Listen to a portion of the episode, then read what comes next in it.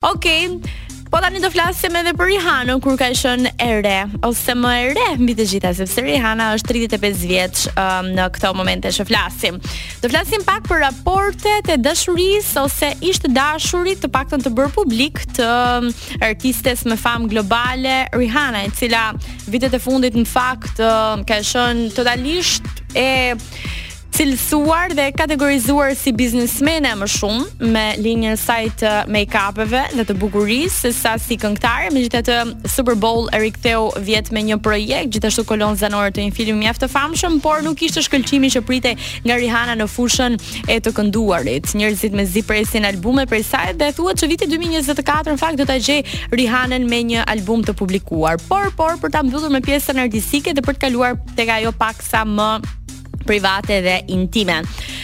Ok, të flasim për të tanishmin që është ASAP Rocky dhe partneri dhe bashkëshorti i saj, një lidhje e konfirmuar në vitin 2021 pasi u mbajt goxha e fshehtë, së bashku tashmë kanë dy fëmijë. Por do të kalojmë edhe tek historia e tyre, por ta nisim një herë nga të shkuarit.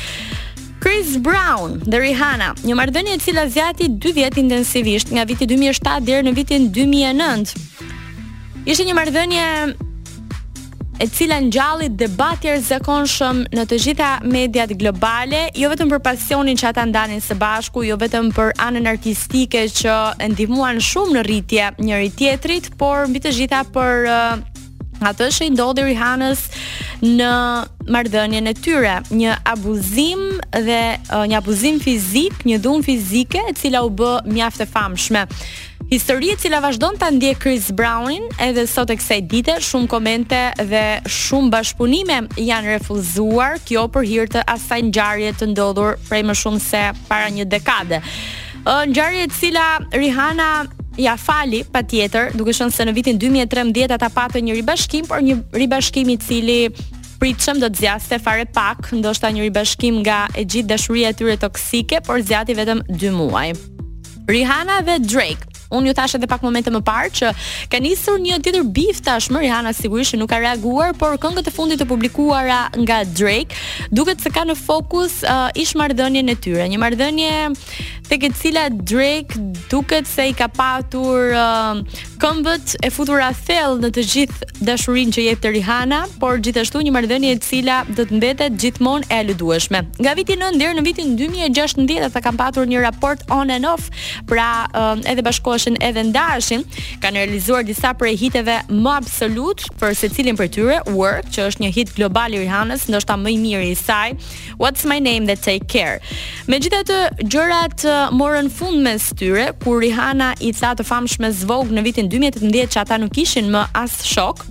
Ndër të tjera ajo tha ne nuk kemi më një shoqëri, por nuk kemi as armiq. Është si është në këtë formë. Por arriti që të menaxhohej edhe kjo pjesë, duke qenë se në tetorin e vitit 2019 Rihanna ishte pjesëmarrëse në ditëlindjen e 33 të Drake. Një tjetër raport um, i marrëdhënies së Rihanës ka qenë me të famshmin basketbollistin Matt Kemp, i cili pati në fakt e merrte shpesh në ndeshjet e tij Rihanna paraqitej uh, um, kudo me të, por uh, një burim për US Weekly tha që ata nuk mund ta vazhdonin këtë raport duke qenë se Matt nuk mund të përballonte të gjitha udhëtimet e të çmendura dhe turnetë globale që e bënin Rihanën të largohej shumë Kështu që ai ndjehej si ë uh, një qen i vogël, një pupi, i cili do duhej ta ndiqte atë kudo nëpër botë dhe ai në fakt dëshironte diçka më normale. Asap Rocky në dhjetor të 2010-s. Uh, Rihanna ka qenë shoqe e ngushtë me Asap Since uh, since që nga bashkëpunimi i tyre i hershëm uh, në këngën Fashion Killa në 2013 më pas, disa remixe dhe bashkëpunimet e tyre kanë patur gjithmonë uh, një klik mes tyre, por kurrë i zyrtarizuar dhe i konfirmuar në një lidhje mirëfilltë deri në maj të 2021-shit, kur ata e konfirmuan lidhjen e tyre.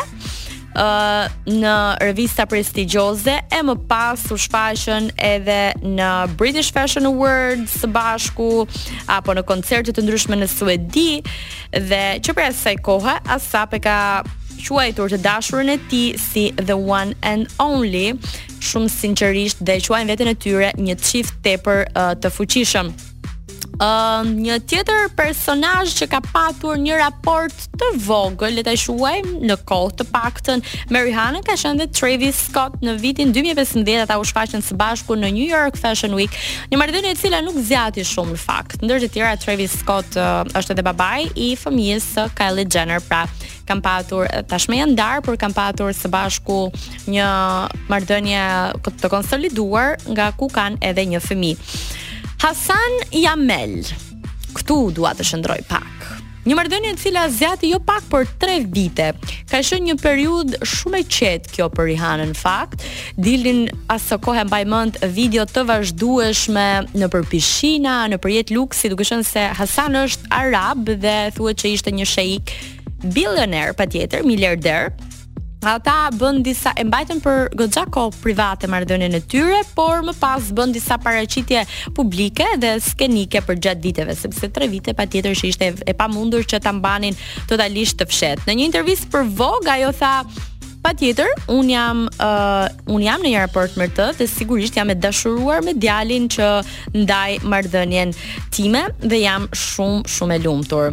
Vitet e fundit, siç po ju thoja, ASAP Rocky dhe Rihanna janë në një marrëdhënie të tyre të shkëlqyer ku i kanë dhënë vetes mundësinë e të paturit jo vetëm fëmijë, por biznese shumë të suksesshme. Nga ana tjetër, ASAP Rocky ka një industri muzike që po i ecën mjaft mirë. Megjithatë, na e ka vënë në, në dyshim Drake pra se te kënga e fundit thotë që seksi me ty ishte mesatar, thotë që nuk e di se ti ku shkon me pushime me të, por me ç'duket shkon në të njëjtat vende që kemi shkuar të dy dhe nuk e di pse i gjithë opinioni publik ka një mendim që unë nuk kam hequr ende dorë prej teje, gjë e cila nuk është e vërtetë.